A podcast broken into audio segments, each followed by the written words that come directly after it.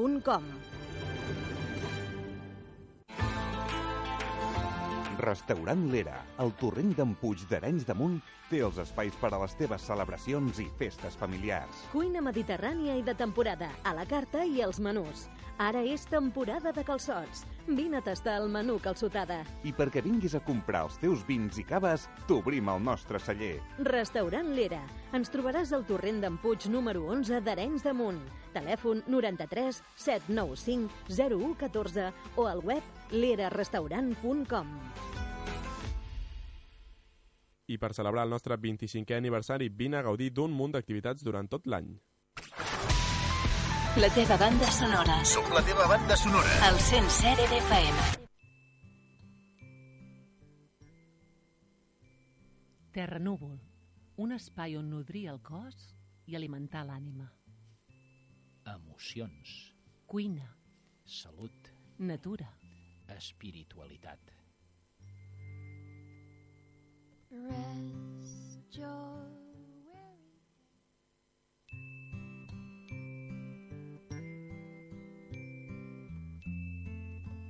Benvinguts i benvingudes a Terra Núvol, el vostre programa mensual de Ràdio Arenys de Munt. La vostra cita amb la nutrició, la salut, les plantes remeieres, l'hort i els estils de vida saludables. Us parla la Gemma Bufies. Comencem. your weary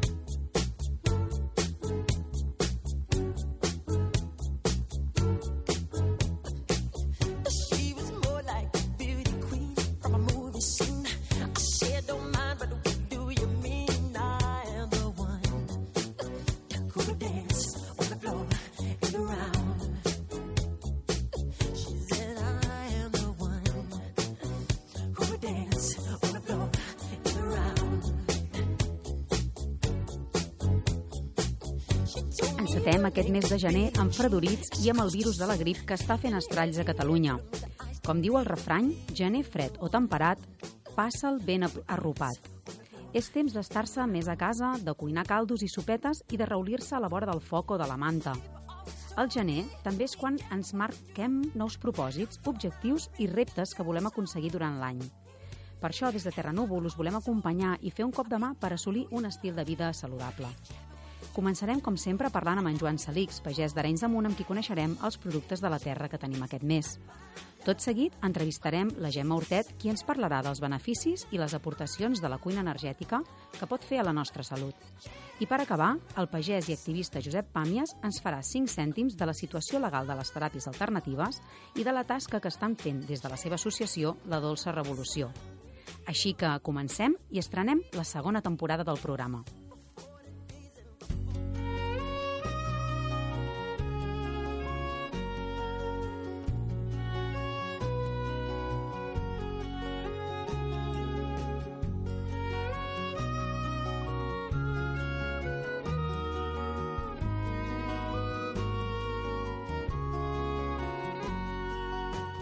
Com cada mes, en Joan Salix, pagès d'Arenys de Munt i propietari de l'agrobotiga Can Salix, ens acompanya i ens porta a la ràdio les fruites i verdures de temporada, de quilòmetre zero i de proximitat. Bon dia, Joan, benvingut de nou a Terra Núvol. Bon dia. Què ens porta aquest mes de gener? Com està l'hort, que aquest clima d'aquest mes que comença l'any? Bé, en principi eh, ara ens està fent una mica més de fresca que ens sembla, però bueno, de fet està fent el temps que hauria de fer. El que passa és que venim d'una bonança mm, fora de lo normal i ara aquests dies que ha refrescat una mica ens sembla que, que fa molt de fred, però no, està fent pel que toca pel temps que som. El que sí que hem vist, així com dèiem el mes de desembre, que anunciàvem que el gener es fa el salt de per dalt i després de Nadal, no? Doncs és així, ara veiem que el dia allarga. Sí, ara de fet eh, al, al vespre principalment és quan més s'hi coneix. Ara ben bé 10-15 minuts ja, ja s'hi coneix al vespre, ara ja podem allargar més al treballar fora. I al matí, pels que matineu ben d'hora, ben d'hora, Al matí no es nota tant, principalment al vespre, pel matí res, com a molt 10 minuts, però al vespre és quan més s'hi coneix ara. Uh -huh. Llavors deies que aquest fred, eh, eh, que no agrada a tothom, a l'hort tampoc li va malament, depèn a quina verdura. Mm, No li va malament, però sí que li va malament. malament. Per què? Perquè venim de massa bon temps, les plantes estaven molt verdes, molt ofenoses, i ara aquest fred tant de cop li fa més mal que bé. Però no perquè sigui excepcional, és perquè feia massa bon temps fins ara i les plantes eren massa ofenoses. Que semblava una mica que tinguéssim els jardins en primavera. Eh, sí, correcte. Estava tot, ja dic, massa, inclús massa avançat. Principalment, per exemple, els pèsols estem ja collint quan hauríem de començar ja fa ben bé uns dies que n'estem collint. Llavors, totes les plantes estaven massa tendres. Uh -huh. Llavors, vinga, com cada mes, recapitulem. Quines coses tenim a l'hort? Quines verdures tenim? Bé, ara és una de les èpoques que tenim, diria, menys coses. N'hi han bastantes, però ha- és l'època que n'hi ha menys. Tenim el que és, comencem amb la fava, amb el pèsol, llavors tenim l'escarxofa, i llavors, diguem així, com de temporada. Llavors també anem tinguent el que tot l'any més o menys, el que és la bleda, l'espinac, l'escarola, els raves, l'àpid, el bròquil, la coliflor... Vull dir, hi ha varietat de coses.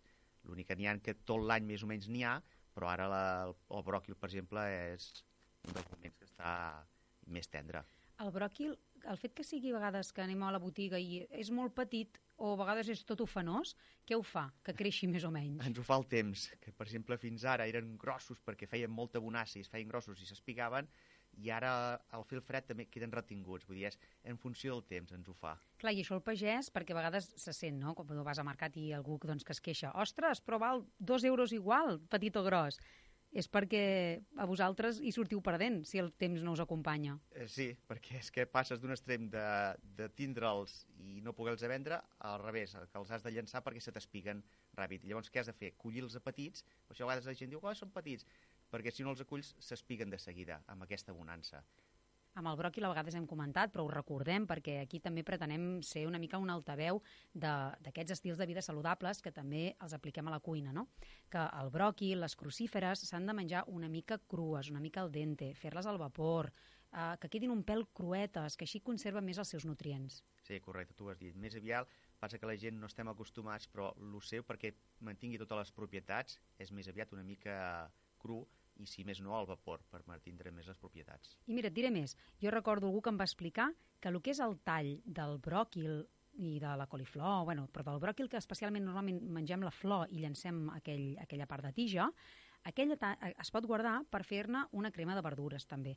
La pelem, el repelem, traiem la part més estallosa i allò es pot guardar i la posem dins de la crema de verdures. Sí, sí, correcte, això es feia servir abans. És ara que ens sembla que allò és dolent. És com l'enciam, el més gruixut, la penca més gruixuda, que diem que allò no és bo, i al contrari, allò és també el que més s'aprofita. Mm -hmm. Passa que ens sembla ara que no, no, no sigui de bon aprofitar. Clar, ens hem tornat una mica més refinats. Escolta, parlant de les carxofes, vinga, ara que és temps de carxofes, quines característiques tenen a l'hort la carxofa? Com, quina, quin tipus de planta és? És una planta ofenosa, que in- inclús aquest any, per exemple, que no ens ha anat gaire bé, hem tingut bastants problemes a l'hora de plantar, de sembrar-les, amb la calor aquesta tan forta que ens va fer ens va costar una mica, però bueno, ara s'està refent, i ara amb això del fred, vull dir, també li va bé. Ara, per exemple, aquestes glaçades que ens ha fet aquests dos dies, ens les ha cremat una mica. Però bueno, això fa que sigui més, més tendra. Mm. L'escarxofa, per anar bé, és com l'escarola. Li convé que li toqui una mica una gelada, perquè es torni més tendra. Així com les escaroles les protegiu, o ja es veu, no?, quan anem a veure horts que estan protegides amb aquells plàstics, la carxofa no, la carxofa no s'ha de protegir de tanta glaçada? No, però el plàstic aquell no és per protegir. Aquell plàstic el posem per tapar-les, perquè es tornin blanques. Més que protegir, al contrari. Millor que li toqui el fred a l'escarola perquè sigui més tendra. Uh Mhm. -huh. Allò ho fem només perquè es torni blanca. Li posem o un barret de plàstic o una fulla de cola a sobre per això, perquè torni a ser més blanca, que és el que, el que et deia abans. Estem acostumats a que sigui ben blanc i al contrari. Les verdures aquestes, quan més verdes, més propietats tenen. I tu el teu hort, normalment, ho fas servir això de la fulla de col o tires més aviat de plàstics? plàstics i, i fulles de col. Si se m'acaben els barrets, faig servir les fulles de cols. Passa que la fulla de col de seguida es penseix i en dos o tres dies doncs, llavors l'has de canviar. I el barret el pots fer servir més. Molt bé, molt interessant. Doncs jo volia comentar de la carxofa també una altra cosa d'aquestes de reaprofitament, de cuina de reaprofitament, que quan pelem, repelem una carxofa perquè anirem a fer-la servir la part més tendra, doncs o bullida o al vapor o en truita, el que sigui, aquelles fulles no s'han de llançar perquè les podem posar en un caldo per fer un caldo depuratiu, perquè com hem explicat altres vegades, les verdures amargantes són unes depuradores del fetge. Per tant, és, és bo, és, és, són coses que, que ens fan servei, que ens, són, que ens fan bé i no s'han de per què llançar perquè es poden reaprofitar. Tu molt bé ho has dit, a vegades desconeixem una sèrie de coses que tenen una sèrie de propietats que són molt aprofitables i no la, per, molta gent perquè ho desconeix, aquestes Mhm. coses.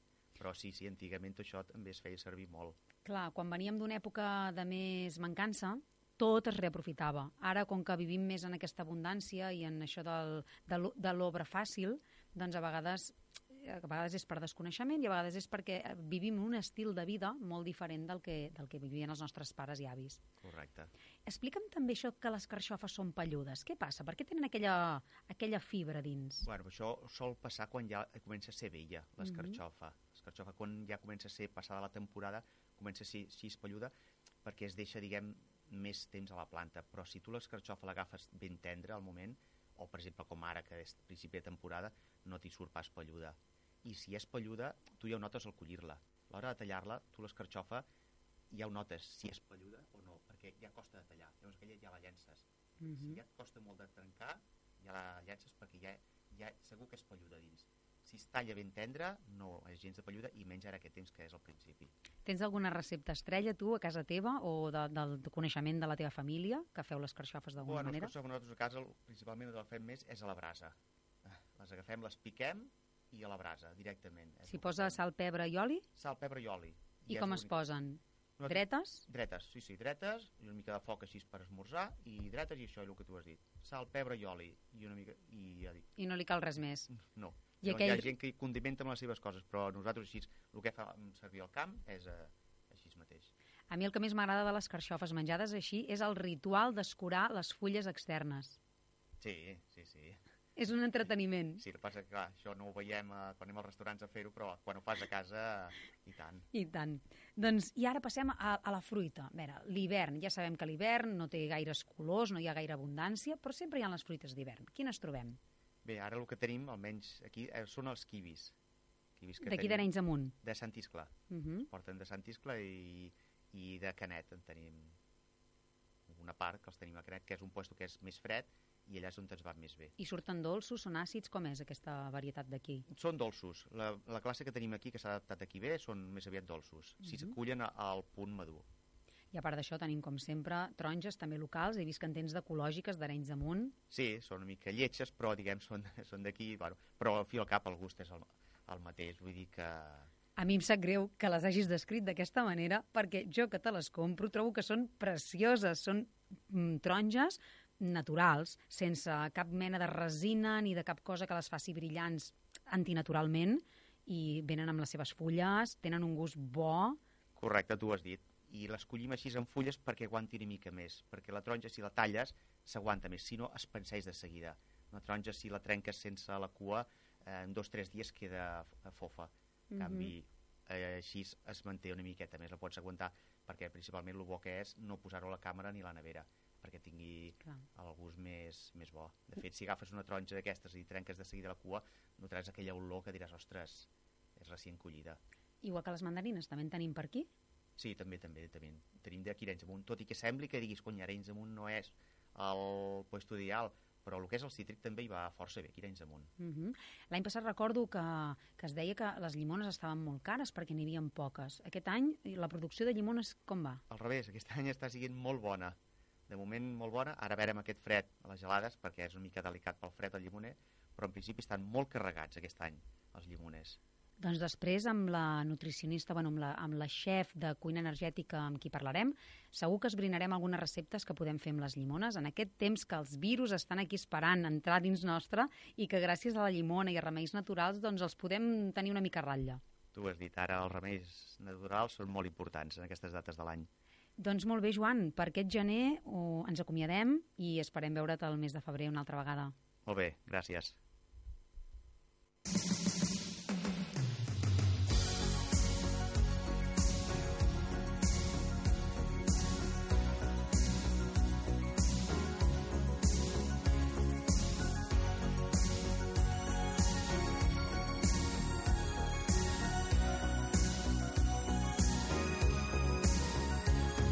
Looking in your eyes, I see a paradise.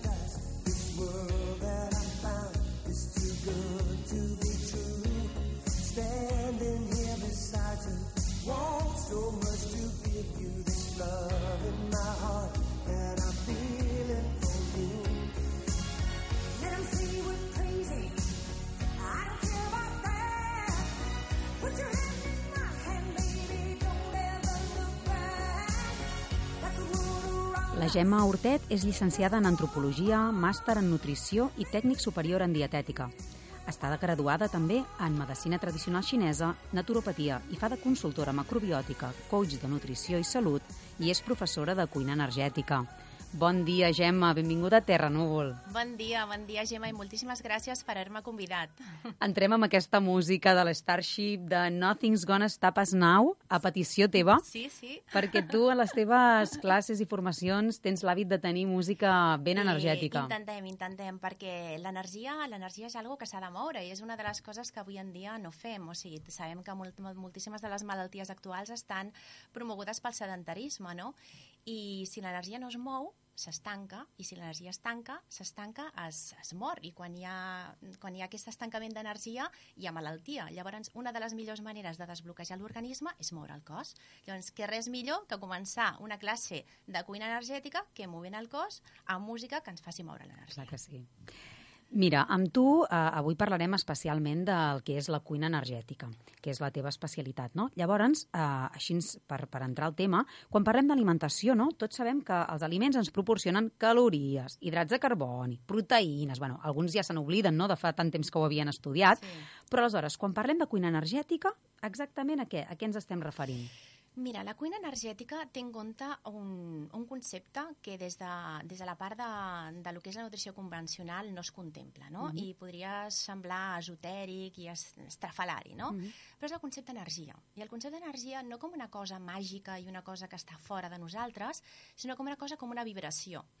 Per exemple, tu estaràs d'acord en que si tu et prens, eh, com parlàvem, eh, per exemple, si tu et prens una cosa, una, una, un aliment que està cuinat molt de temps, tu notes calor dintre del teu cos. Però si et prens un aliment que no està gens cuinat, tu notes fred dintre del teu cos. Aquesta energia s'expandeix Mhm. i tu ho notes de seguida. Tu acabes de menjar una amanida i segur que després et queda gelada, et quedes freda. Però et menges una sopa de miso i al cap d'un moment notes molt calor dintre del teu cos i molt confort. Això és l'energia de l'aliment. Llavors Mhm. nosaltres sabem, per, per lo que és la dietètica energètica, que cada aliment té un tipus d'energia i depèn de com tu estiguis, necessites menjar una energia o una altra per equilibrar-te. Per aquest, aquesta és l'essència de la cuina energètica. Mhm. És intentar veure com tu estàs i què necessites per equilibrar-te. Uh -huh. Llavors, aquest, aquest, aquesta anàlisi, com, com la podem fer? És a partir del coneixement? Quina és la base? Quina és aquest, aquest, aquesta línia que va d'aliments més densos, aliments més volàtils? Bueno, qui més ha estudiat això és les filosofies taoistes, Mhm. eh, la, la medicina xinesa i la macrobiòtica són les dues cuines energètiques que més han, han estudiat el concepte energètic de, de l'aliment, no? I llavors saben que hi ha uns, uns aliments que quan tu els prens et donen molta estabilitat energètica, o sigui, que no fan ni que tu entris amb molt fred ni amb molta calor.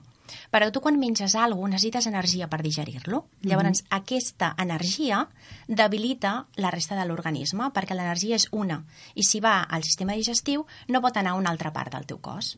Llavors, per exemple, si tu necessites, estàs treballant i necessites menjar alguna per reposar l'energia, però després tens que continuar treballant, el que tu mengis en aquell moment ha d'estar adequat a aportar-te energia però no a debilitar-te després perquè si necessita el que tu vas a menjar massa energia per poder-se digerir, després et notaràs dèbil, tindràs son i no podràs continuar treballant.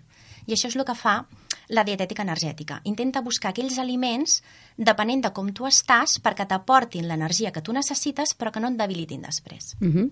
Llavors, entenc pel que dius, perquè a mi m'agradaria que, encara que per tu sigui una cosa com molt interioritzada, com que és la primera vegada que en el Clar, programa sí, parlem sí, de, sí. de cuina energètica, ens pots fer com una mica, a grosso modo, com seria, no? Exemples que, que siguin clars de recordar, aliments del dia a dia, per exemple, del no? dia a dia. Pues Mm. mira, um, a mi una de les coses en les que no abogo i que no estic massa a favor és el, tots aquests batuts verds i les grans amanides que, per les que aposten la gran majoria de nutricionistes. No? Per exemple, sí que estem d'acord en que tenen un munt de nutrients, però tu aquí només estàs mirant la part bioquímica de l'aliment. no? Mhm. Estàs mirant els enzims, estàs mirant les vitamines, estàs mirant els minerals, però estàs mirant l'energia. Llavors, no és el mateix menjar-te per dinar un plat de bròcoli, que ara és temporada, cuinat 3 minuts, que estàs perdent molt poca vitamina, estàs tenint, no estàs tenint enzims perquè els estan cuinats, però els pots obtenir d'una altra, altra font, com per exemple poden ser uns pickles que estan macerats amb sal, no? Per exemple, això et donarà un confort a nivell digestiu perquè ja està calent i t'aportarà energia i no et debilitarà, que menjar-te una amanida que requereix molta més energia per poder-la digerir a nivell de dinar, per exemple, eh? Mhm. perquè és una de les costums que les dones, sobretot, que es volen cuinar, no, no una amanideta ben completa, amb una, amb una miqueta de proteïna a la planxa, unes quantes llavors, un plat molt bonic, molt colorit, però això requereix de molta energia, i no tothom té aquesta energia, i menys a l'hivern. A l'hivern és un moment energètic molt lling, que diem, perquè fa molt fred. Mhm. I llavors el nostre cos sempre està a una mateixa temperatura. Mhm. Llavors, quan baixa la nostra energia interna, perquè hi ha fred a fora, el que no pots aportar és més fred encara, perquè això encara farà que tu necessitis més energia per compensar tot això i provocarà que baixis d'immunitat. Clar, dir, un altre nutricionista diria, ja, però tu estàs aportant aquí molta vitamina C, estàs aportant sí. un munt de vitamines no, que són necessàries per tenir aquesta immunitat alta. Sí, sí, però si jo dono un bròcoli cuinat 3 minuts, estic aportant també molta vitamina C. I, estic, I si jo dono pipes de carbassa, estic aportant molt zinc, que també va bé per augmentar el sistema immunològic. I no necessito fer aportacions de coses crues que baixaran l'energia. O sigui, tinc en Mhm. compte aquest concepte energètic per sempre equilibrar a la persona perquè si tu estàs donant coses molt bones però aquesta persona no les pot digerir perquè no té força energètica, no les podrà assimilar, amb la qual el debilitaré. Mm -hmm.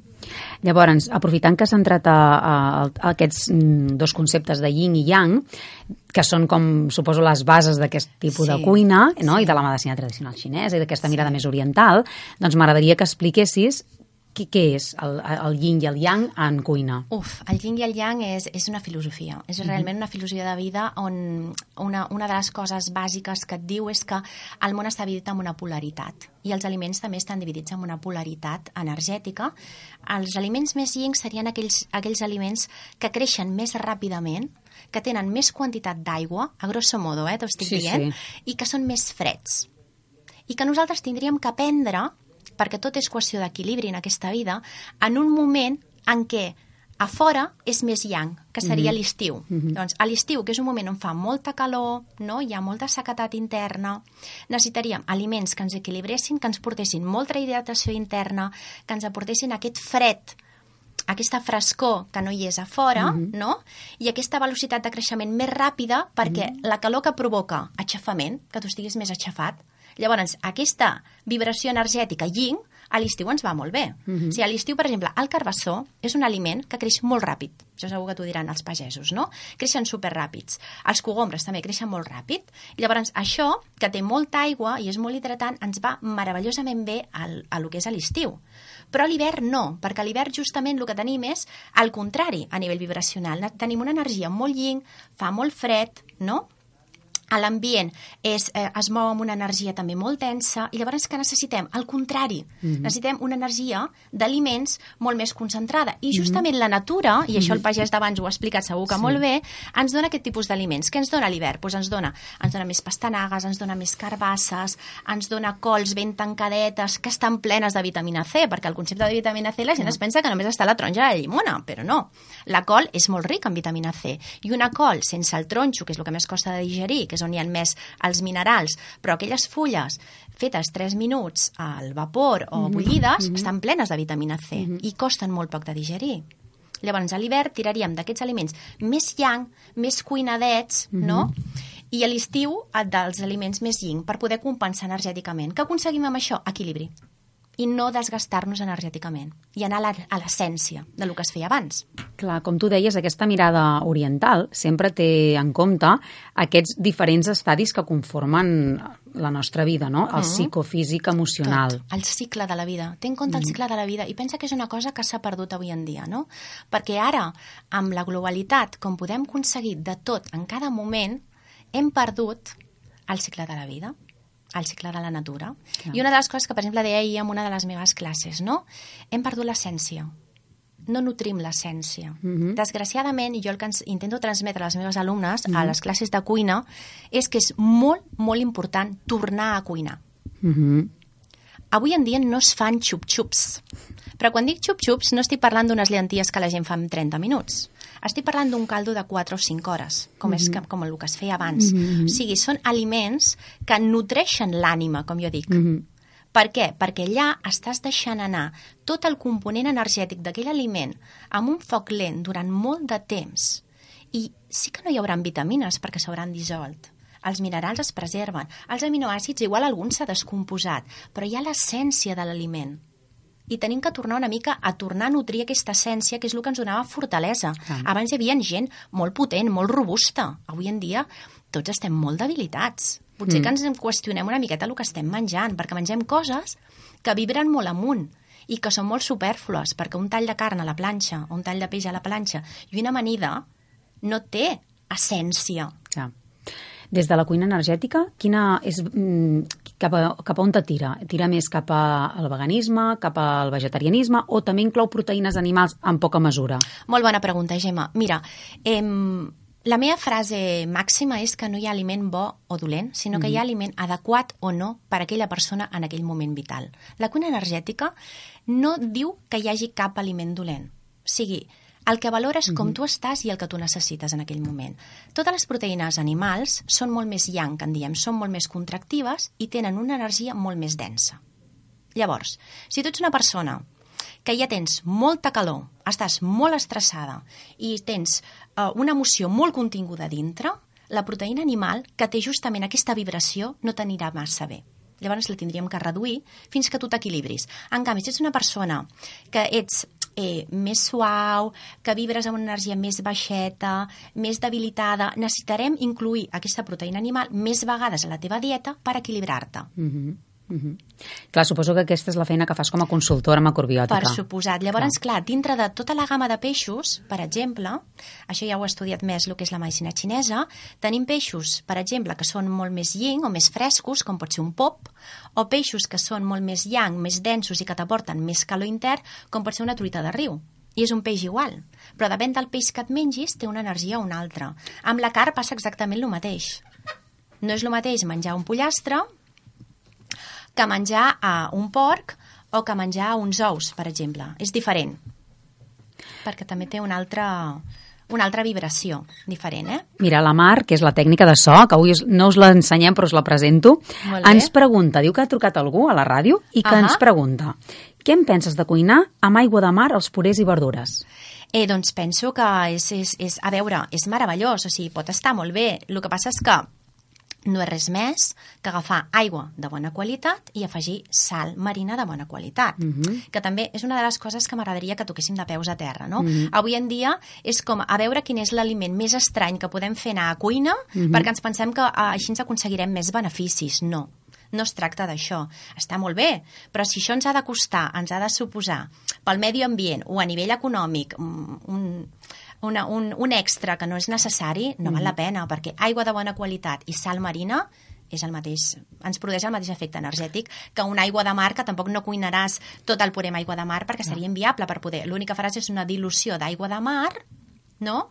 amb el que és una aigua osmòtica o una aigua de bona qualitat, que és el mateix que si agafes una sal marina de bona qualitat que tindrà també seca tots els mateixos, les Mhm. mateixes nutrients que Mhm. té un, una aigua de mar. Quan diem aigua de mar, ai, sal de mar, Sal de bona, marina, sal marina sí. és sense refinar, la Per que tu fas servir. Sí, sí, sí, Sí. sal marina. Llavors, jo, mm, ara que ens han tallat, però jo volia mm, seguir amb aquesta cosa que tu parlaves de, de les energies, no? Perquè potser alguns dels oients pensen, sí, sí, molt bé, molt bé el sentit comú i tornar al foc i que cada persona és diferent la temporada, Mhm. però al principi suposo que sembla com una gran feina, no? Arribar a entendre què és això de l'energia, què vol dir yin i yang, i això com m'ho aplico a mi, i, i a sobre el context... Ho entenc, entenc perfectament el que em dius perquè és una de les coses que xoca quan, en, quan la gent em coneix i quan comença a entrar a les meves classes, no? Mhm. El primer és com un uau, quanta feina tinc. Bueno, eh, no t'enganyaré, és veritat.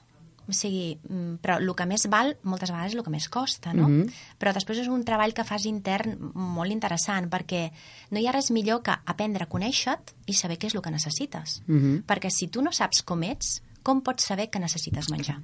Jo sempre és la pregunta que, que faig a, a tothom, no? O sigui, tu et coneixes? Tu saps si tens fred o calor? Tu saps si quan agafes un refredat és dels que es cronofica i et, i et dura 15 dies o fas una febrada tremenda i en dos dies estàs bé? Perquè això marca la teva tendència constitucional, o sigui, com tu ets. I aquesta tendència constitucional és la que marcarà com tu reacciones, la teva capacitat de reacció i el que tu necessites per equilibrar-te. El que ens en anem adonant al llarg dels programes, no? que com dèiem és la segona temporada, que em fa molta il·lusió que l'estrenem avui amb tu, és que, que això, que som uns grans desconeguts. Total. O sigui, ens hem desconnectat molt de nosaltres mateixos, Gemma. Mm. Jo penso que la gran tasca, i, i penso que, que s'està... ara, Afortunadament ens estem prenent molta consciència d'això, no?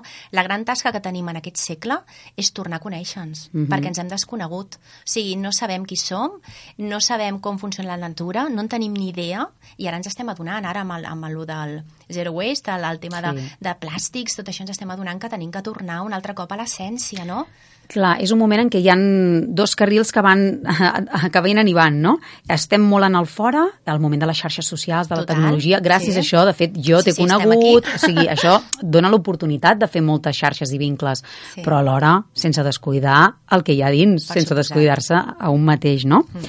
Després també, tornant a això que deies de l'aigua de mar, que a vegades és veritat que la indústria alimentària ja sigui saludable com no saludable, Sí, sí, ens sí. ofereix productes i, i ens, ens, ens fa ser compradors més, més compulsius, no?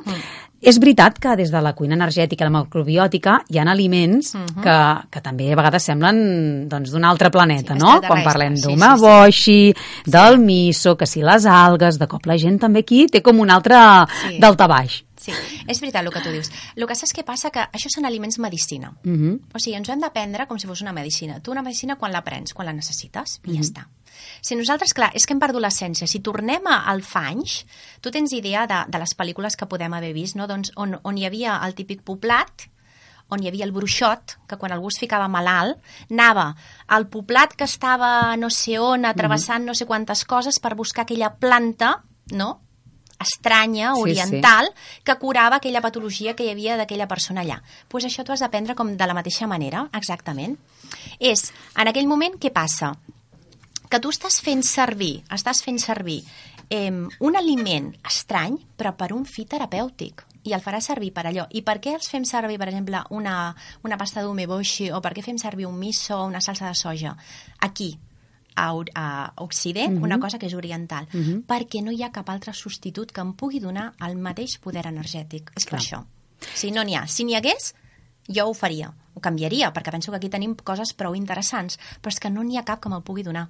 Clar, aquí és veritat que, mm, que a vegades amb la- l'altra secció que sovint fem amb les plantes remeieres, parlem de plantes remeieres locals, autòctones, com pot ser una farigola, un romaní, que, que a vegades poden tenir efectes semblants a el que ens donaria potser un ginseng o un, gin, un gingebre, no? Sí, no? sí, sí. Jo, per exemple, jo sempre dic que el, el, el romaní Mhm. és el gingebre català, sempre ho Mhm, dic. mhm. Sí, perquè té el, el mateix efecte energètic, és un gran tonificant de l'energia i és un gran desconegut. I realment tu, Clar. a qualsevol... Ara mateix, per exemple, a l'època que estem, per aportar més calor i, i les ganes de moure't, no? que és el que fa el fred, que et quedes Mhm. allà com uf, eh, ficar una bona branca de, de romaní a qualsevol estofat de llegums, bueno, és, és Clar. meravellós. Sí, sí. Com dèiem, no, al principi a la introducció, que és moment de reulir-se a la manta al sofà, però no que sigui perquè et falta l'energia, No, clar. sinó perquè et ve de gust estar a casa, eh, amb els teus, Clar, no, gaudint de- d'aquest sí, fred. exacte, i és escoltar una mica la, la, la natura. La natura sempre... Què, què fa amb els, Mm. amb, els, amb els éssers vius? Ara tot està recollint-se, o sigui, les plantes es recolleixen, tot està... I és el que té que fer l'ésser humà en aquesta època de Mhm. l'any, recollir-se abans a casa. Si tu no segueixes el que marca la natura, emmalalteixes. Clar. Al final acabem molt desgastats, no? Hi ha com un cansament crònic, que això Total, segurament a consulta tu t'ho veus. Total. Jo, justament jo m'he especialitzat en això. O Sí? sigui, jo el que faig és augmentar la vitalitat de les persones, perquè hi ha un gran cansament crònic, sobretot les dones, perquè són de les que donem, Mhm. som les multitasking, les que Mhm. fem moltes més coses de les que tindríem que fer, eh, i som molt servicials i... Bueno, Molt entregades. Molt entregades, i, Sí, bueno, sí. i volem fer tot, i volem fer el millor possible, i llavors, bueno, hi ha un gran desgast enorme, no? Mhm. I amb l'alimentació fan una remuntada tremenda. Casos de fibromiàlgia eh, espectaculars, som les millors espectaculars amb cuina energètica. Clar, també parlant d'aquests aliments medicina, a vegades també, no? Una altra de les, de les resistències que hi han és que aquests aliments són cars, però justament, com que són medicinals, és la dosi. La dosi és molt petita, o sigui, sí que és veritat, són cars, és veritat, però un no pensa en el que li pot costar un tractament de la seguretat social, Mhm. que com no ho abonen inicialment, no se n'adonen de la factura que suposa, i a part la factura que suposa pel teu propi organisme. En canvi, aquests aliments no tenen efectes secundaris. O sigui, no estan carregant-se un fetge, no s'estan carregant uns ronyons amb la seva eliminació, al contrari. Mhm. O sigui, són un win-to-win, o Clar. sigui, és guanyar-guanyar quan, ho estàs, quan ho estàs aportant, no? Sí. Mira, fent una mica de recerca aquests dies per preparar l'entrevista, vaig trobar també no, que, que hi ha remeis pel mal de cap i fins i tot que la macrobiòtica té en compte com és aquest tipus de mal de cap, que és que jo diria que és un dels, de les dolències més comunes, no? Qui no es Sí. pren un paracetamol, un gelocatil, un ibuprofè, quan Eh. té mal de cap, quan potser, digue'm, des de la macrobiòtica, com ho veieu això? Bueno, doncs pues mira, uh, hi han dos principals uh, motius de mal de cap dintre de lo que és la, la medicina oriental, no? que diguéssim de, des del meu coneixement i els que jo he tractat més. Un que seria més de nivell digestiu, Mhm. que normalment el dolor es localitza més a lo que és a la part frontal, mm? frontal, aquí, ben bé a sobre de lo que és de lo, de lo que és per sobre dels ulls, i un altre que seria més de fetge, que en diem, que pot ser a la zona més ocular, com que darrere dels ulls, o la zona així frontal, o com si portessis un casquet, no? Llavors, depèn del mal de cap que tinguis, tu fas una bona entrevista terapèutica i veus l'origen, perquè sempre tens que anar a la causa, Mhm. no a donar alguna cosa que el que faci és cobrir l'expedient i intentar tapar el que hi ha de fons, no? Llavors, si és digestiu, normalment està, està relacionat amb que tu no pots digerir bé el que estàs menjant o no pots digerir bé el que t'està passant en aquell moment vital Clar. perquè la nutrició energètica nutreix tots els planos de la persona. I si és a nivell més de fetge, el que probablement et passi és el mateix, o sigui, que hi hagin emocions contingudes, el fetge està molt relacionat amb el que és la ràbia, en la incapacitat de créixer, de creixement eh, vital també, i llavors tindríem que tractar el fetge amb aliments que van molt bé per, uh, per alliberar aquest fetge serien tot el que són les verdures de fulla verda. O sigui, aquí Mhm. faríem un tractament de verdures de fulla verda drenants i amb coses que fessin moure l'energia perquè el fetge, és el, quan es bloqueja, es bloqueja l'energia del cos i et quedes... Uh, hi ha moltes contractures que venen per fetge, justament, Mhm, per això a mhm. vegades també hi ha molts mal de caps que estan provocats per cervicals, per la contracció que nosaltres provoquem, i seria fer una alimentació molt flexible que t'ajudés a alliberar i fer, jo apoyo tots els tractaments amb lectures, amb pel·lícules recomanades, amb moviments corporals, perquè tot és energia, ens alimentem de tot el que ens envolta. Que bé. D'altres, amb d'altres entrevistades sempre recordo doncs, que hem parlat dels aliments primaris i, i dels secundaris, no? Justament amb la Mariva, que abans en parlàvem, amb ella també, i amb la Mhm. Martina Ferrer. Clar, hi ha tots aquests aliments que ens nodreixen uh, l'ànima, Ahà. l'esperit, uh, el, nostre, el nostre humor no només depèn no, de- d'allò que ingerim, Uh, aprofitant que ara parlaves uh, d'aquesta descongestió del fetge i abans has dit doncs, que no eres molt amant ni precursora de, dels batuts verds, Mm. estaries d'acord d'aquests detox, d'aquestes campanyes detox que es fan després de Nadal, després de... És que sembla que sempre ens estiguem aquí mm, flagelant de Ai, tot el que Gemma, fem malament. Acabes acabes de tocar... Bueno, aquest és... És un dels teus la- temes. les- L'espina aquesta Sí? clavada que tinc allà. Mira, jo realment sóc anti-detox. O sigui, sempre ho dic. Sóc anti-detox. Jo penso que és un error molt gran Mhm. eh, fer aquests detox que, que es fan avui en dia, que es proposen avui en dia, i més, sobretot, saps per què? Perquè no estan individualitzats. sobretot per això. Clar. Tots no estem en el mateix moment, ni tothom menja de la mateixa manera amb la qual és una gran agressió a l'organisme si Mhm. no es fa d'acord amb com està aquella persona. Jo vaig ficar un exemple que poso sempre a les meves alumnes. Els detox són, si tu això és com netejar una casa. Si tu cada dia mantens un ordre a la teva casa i una neteja mínima i un cop a la setmana fas una neteja més a fons, que podria ser un semidejuni, que ara estan tan de moda, no? Mhm, mhm. Mm? És fantàstic, un dia no sopar o dos dies no sopar. Tu vas mantenint una neteja Mhm. i un ordre correcte. Mhm. Ara, si tu no neteges mai la casa, vas aportant allà porqueria, ja de per si l'or- l'organisme ja té tendència a acumular porqueria, i de cop i volta cada sis mesos dius, vinga, vaig, vaig, a, faig venir una brigada a cara, em desmanteli tota la casa, me l'espolsi tota... Tu et pots imaginar el caos que hi ha en aquella casa en aquell moment? Mhm. Tu et pots imaginar l'energia que necessita l'organisme per treure de cop i volta tot allò que se li ha remogut? Clar. I no tothom està en el mateix moment vital com per poder alliberar allò. Mhm.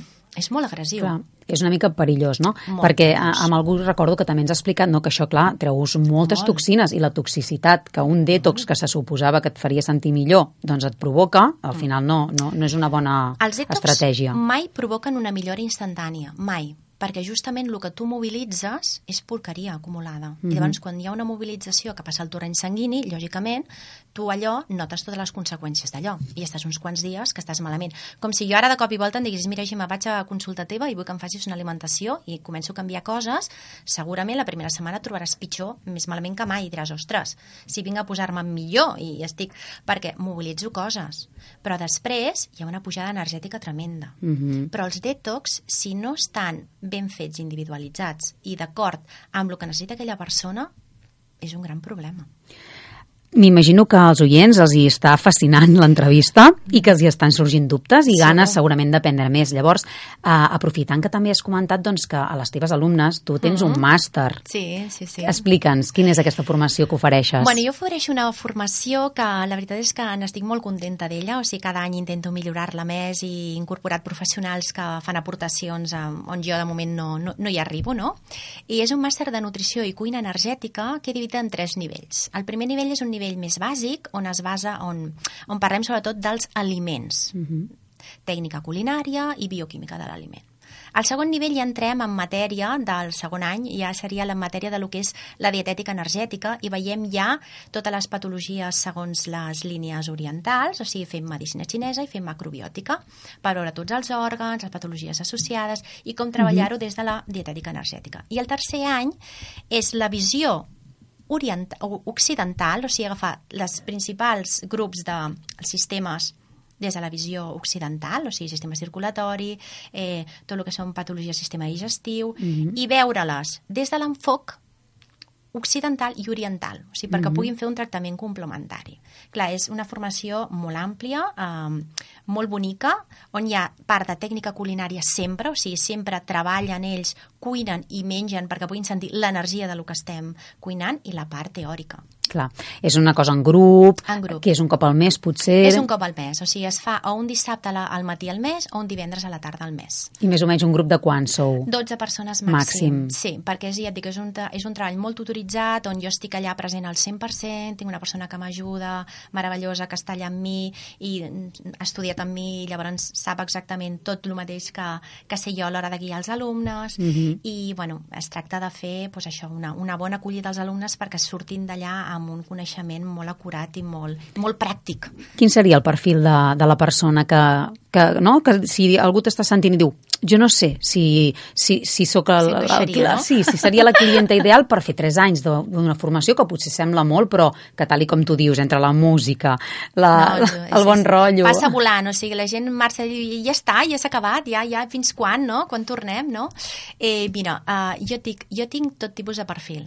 Tinc nutricionistes, tinc infermeres, tingut metges, tinc metges, tinc advocades, o sigui, tinc economistes, tinc qualsevol... El perfil és aquella persona que vol aprendre a cuidar-se i vol Mhm. guanyar vitalitat, i ja Mhm. està. I és mm, molta persona de les que em venen diuen és que jo tinc el cap com un timbal i ja no sé el que tinc que menjar. Ja, clar, és normal. Em diuen, perquè un em diu que tinc que menjar això, l'altre em diu Mm. que tinc que menjar allò, l'altre Mm. em diu que, que si ara les amanides, ara que si Mm. els detox, ara que sí, i ja no sé què tinc que menjar. Clar. I jo els dic, bueno, jo tampoc et diré el que tens que menjar. Justament jo aquí no et diré el que tinc que menjar, només t'ensenyaré i t'ajudaré a que et coneixis perquè tu aprenguis a decidir el que tu necessites menjar. Això és important, no? Realment el que dèiem és un moment d'accés, però d'accés a, a tots nivells, clar. La xarxa ens dona la sort, les eines que podem aprendre de tot ja amb un clic, però alhora això, filtrar-ho i a més a més personalitzar-ho, tothom, no et diré que vol vendre lo seu, però clar, a vegades des de la teva illa, lo teu és lo millor. El que passa que tu has de saber si aquella illa és la que tu vols anar, no? Jo sempre dic que a qui li agradi, eh, a qui li agradi el tema de la dietètica energètica que no estudiï només amb mi, jo sempre ho he dit. Mhm. O sigui, que provi mi, que provi tots els professionals que hi han, perquè així ens tindrà una visió molt àmplia de tot el que hi ha. Quina recomanació faries a algú que vol començar? Alguna lectura que se t'acudi ara que diguis, ostres, aquest llibre de referència, o aquesta persona, o aquesta escola també de... No sé. Uh, A mi, mira, um, com a escola, lògicament dirà que vingueu a la meva, perquè comencem des d'un nivell, des d'un nivell on pot, uh, on pot, uh, on pot accedir tothom, o sigui, des Mhm. del nutricionista, perquè el que jo t'ensenyaré allà va molt més enllà de la nutrició convencional, o sigui, a part de la tècnica culinària que tu prendràs allà i a veure com, com ha de quedar aquell aliment i l'energia que té. I a nivell de llibre, hi ha un llibre que em va agradar molt quan el vaig llegir fa molts anys, que és El poder curativo de los alimentos de l'Anne-Marie Colvin mm -hmm, perquè és un llibre que justament parla una mica de la seva experiència, de quan va deixar de menjar segons quins aliments per això, per bons o dolents, o el típic afany que hi ha avui en dia que hi ha molta gent que vol ser vegana. Ara també diré una màxima que segur que... Se't tiraran a tiraran sobre. a sobre, no? No tothom pot ser vegà, Mhm. Gemma. Justament per això perquè tu has de mirar la teva individualitat i si el teu cos, el teu organisme està preparat o no per ser vegà. Mm -hmm. Mira, per anar acabant, ens ha arribat una altra pregunta d'un oient que trucava, que deia que és molt interessant el que dius, efectivament, no? I, i pregunta si tens algun llibre publicat. No. Cosa però- pendent? Cosa Un- pendent, un- cosa un pendent. objectiu. Sí, sí, sí.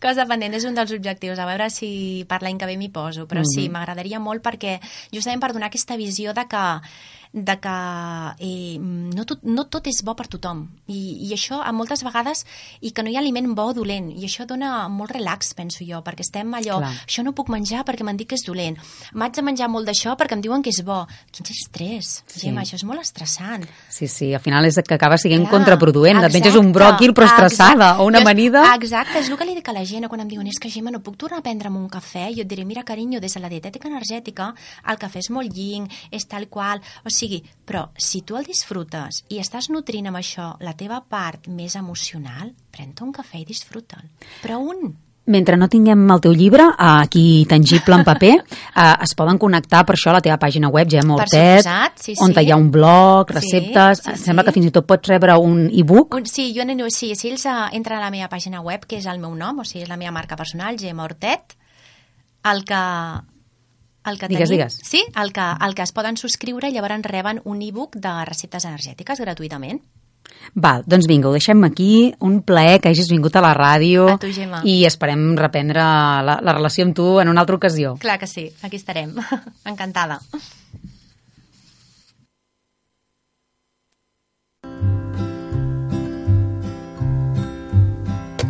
I guess you could say I've seen a lot,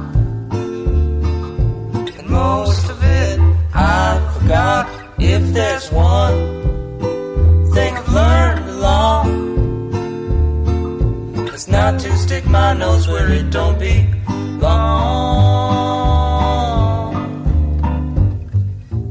One way to go, yeah, so many roads that we En Josep Pàmies és fill de Balaguer, pagès jubilat i un activista conegut per la seva defensa de remeis naturals com l'estèvia, l'MMS o el cànnabis per curar i alleugerir els dolors de malalties diverses. És fundador de l'associació Dolça Revolució, des de la qual fan difusió dels beneficis i usos de les plantes medicinals. El Departament de Salut de la Generalitat de Catalunya el va sancionar amb dos expedients, un de 30.000 euros i l'altre de 90.000. Les darreres multes pugen 601.000 euros i 120.000 per promocionar productes pseudocientífics. Davant d'aquest panorama beligerant contra la medicina alternativa i la tasca de Pàmies Vitae i la dolça revolució, avui tenim l'oportunitat de parlar-li i que pugui exposar el seu punt de vista. Bon dia, Josep. Hola, què tal? Bon dia. Tal com hem explicat, doncs esteu vivint un moment molt poc dolç, diríem, per part de les autoritats sanitàries i els organismes oficials, no?, davant de la vostra tasca. Sí, sembla inconcebible, no?, que en un país com Catalunya, on sempre hi ha hagut aquesta llibertat i la reclamem, la llibertat d'expressió, doncs per presos polítics i per altres polítics es ben sentin agredits, que per la dolça revolució que està plantejant alternatives al desastre que és que actual de, de càncers, diabetes i altres malalties, com si hi hagués solució fàcil, quan presentem alternatives, el que en comptes de combatre'ns, de fer-nos callar, el que hauríem de fer potser és escoltar-nos i intentar fer proves a nivell públic de tot el que estem dient, perquè ens estem jugant la pell aquí també, no?, quan diem això, i quan ho diem és perquè tenim resultats al darrere, perquè hi ha cents de persones que, que, que milloren amb el que nosaltres diem i que no pot ser que, que aquesta repressió brutal que sembla la Inquisició, no? Per tant, resistirem, sembla que aquest tema ja el tenim coll amunt, hem fet els recursos pertinents a les multes, eh, i bueno, no saben ni com contestar-les, perquè no ho saben ni com Mm. contestar-les, aquest, aquests requeriments, i penso que la cosa anirà bé, des de Madrid la, la ministra que una querella criminal contra mi pues, per atemptat a la salut pública no m'ha arribat ni arribarà perquè tenim el dret a opinar, Uh -huh. L'altra cosa és que si amb la nostra paraula podem cometre alguna injúria, alguna calúmnia, però parlar de productes que poden ajudar la gent, això ser un delicte. Uh -huh. Això és inconcebible. Que, bueno, els d'aquí, la, la Generalitat diuen que això només passa a Madrid, però resulta que no, que on hi ha més duresa és aquí a Catalunya, no? I, bueno, pues que una consellera de Salut estigui amb aquesta agressivitat, els directors generals, no entenem quan el primer que haguem tingut de fer és cridar-nos i quan a nosaltres van fer la sanció a la dolça revolució perquè teníem les propietats de les plantes medicinals, vam obeir, les vam traure perquè incomplien en certa forma la norma, però tot i complint amb l'obligació de traure les propietats 30.000 euros de multa. Uh -huh. El següent pas és multar-nos per 90.000 euros, amenaçar-nos amb una multa de 90.000 euros si no traiem els testimonis reals de persones que es poden contactar que s'han beneficiat de, de, de cures extraordinàries amb l'MMS, obeint també, doncs, perquè sabem que, que estaven mala llet a les formes, mm, i tot i treure de la web aquests testimonis també 90.000 euros de multa. Això és inconcebible. Mm. I de què serveix advertir i si obeixes el poder establert encara en multen, això és inconcebible, no? Mm. I bueno, per tant, continuarem. I a mi 600.000 euros de multa per convocar una reunió sobre autisme aquí a Balaguer, també 600.000 euros de multa, això és inconcebible. Això, I això ho fa la Generalitat de Catalunya. Per tant, en, en continuarem endavant, ens hem refet, eh, les multes costa, la que vam pagar costa de pagar-la, però les que tindran a continuació no les pagarem i plantarem cara. Clar, perquè si mirem dintre de la vostra web de, de Dolça Revolució, veiem que dins dels objectius i de la, dels estatuts, un dels vostres pilars és justament la difusió de testimonis no anònims, que justament ens puguem ajudar entre nosaltres a partir de l'experiència personal. Pues sí, però això molesta. Molesta aquest poder farmacèutic i mèdic pervers que tenim i que estan infiltrats a dintre de les institucions catalanes que fan la seva feina bruta de, de, de, castigar tota aquella gent que et priva d'aquest negoci eh, injust i des, desastrós que si almenys servies per curar que com a màxim serveix per cronificar la malaltia. Clar, plantar cara d'aquesta manera pues pot ser que molt la partixen o pot ser que potser les coses s'arreglin. Nosaltres continuem la lluita. Per qui no estigui molt al dia de la vostra tasca, quant temps fa que, que tu estàs al capdavant d'aquest moviment per apropar les... No és medicina alternativa, però és la, la, el saber popular de, de, de plantes remeieres, de, de, de la medicina més natural.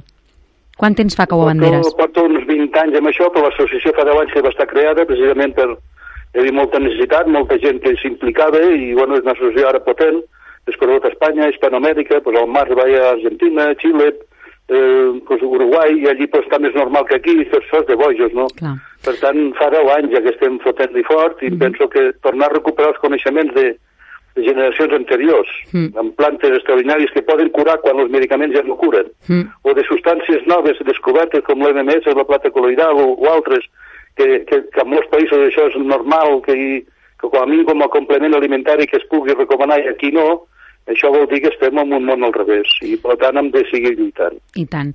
L'altre dia va- vaig tenir la sort de veure-us a tu i a la, a la Teresa Forcades eh, en una xerrada que fèieu a Argentona i, i comptes amb el suport de professionals com ella del món mèdic convencional que per fi obren i donen arguments que demostren doncs, que el que vens no és lleixiu com volen fer veure alguns.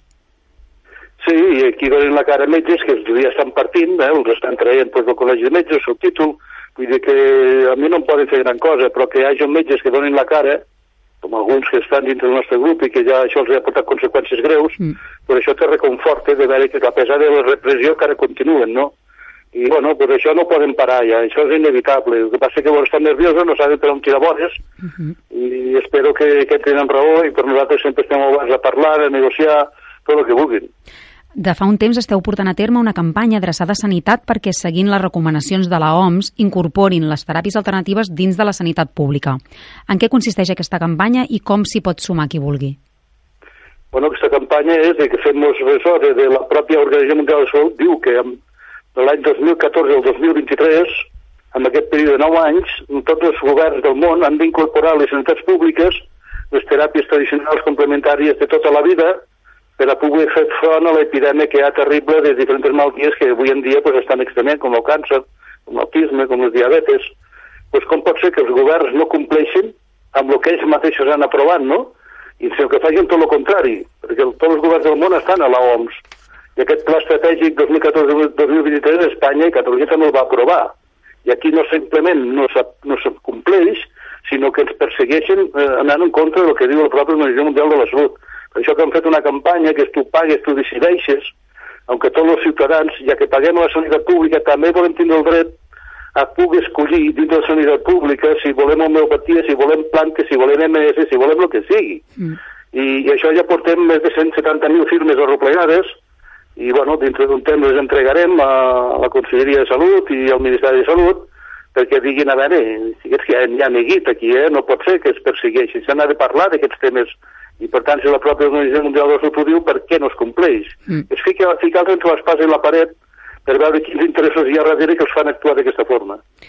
Molt bé, Josep. Doncs seguiria parlant amb tu unes quantes hores més, però eh, el temps se'ns escurça. Eh, el que sí que diria als oients és que qui vulgui ampliar la informació es connecti a, a qualsevol cercador, posi Josep Pàmies, Dolça Revolució, Pàmies Vitae, i hi ha un munt d'enllaços a informació extra a tots aquests estudis, testimonis, persones enteses en temes que parlen de totes aquestes plantes i també recordem que el company d'aquí a la ràdio, Miquel Figueroa, és l'autor del llibre Una dolça revolució, d'Estevi Editors, que va fer conjuntament amb tu.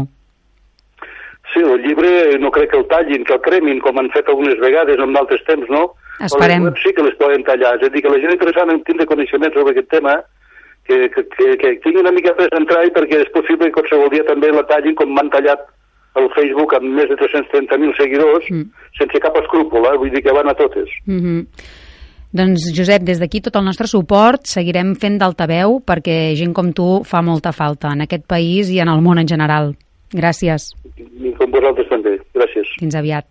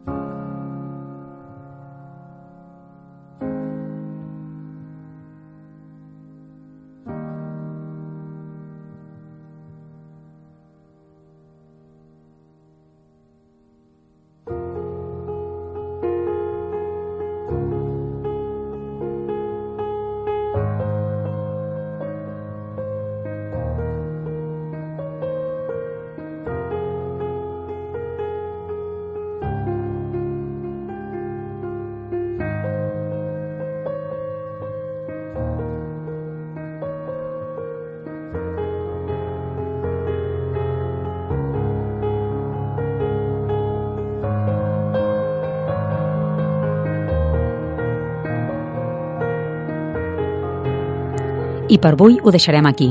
Esperem que la llista dels vostres propòsits del 2019 es compleixi i que Terra Núvol us pugui acompanyar a assolir una vida més harmònica, saludable i a gaudir d'una salut radiant.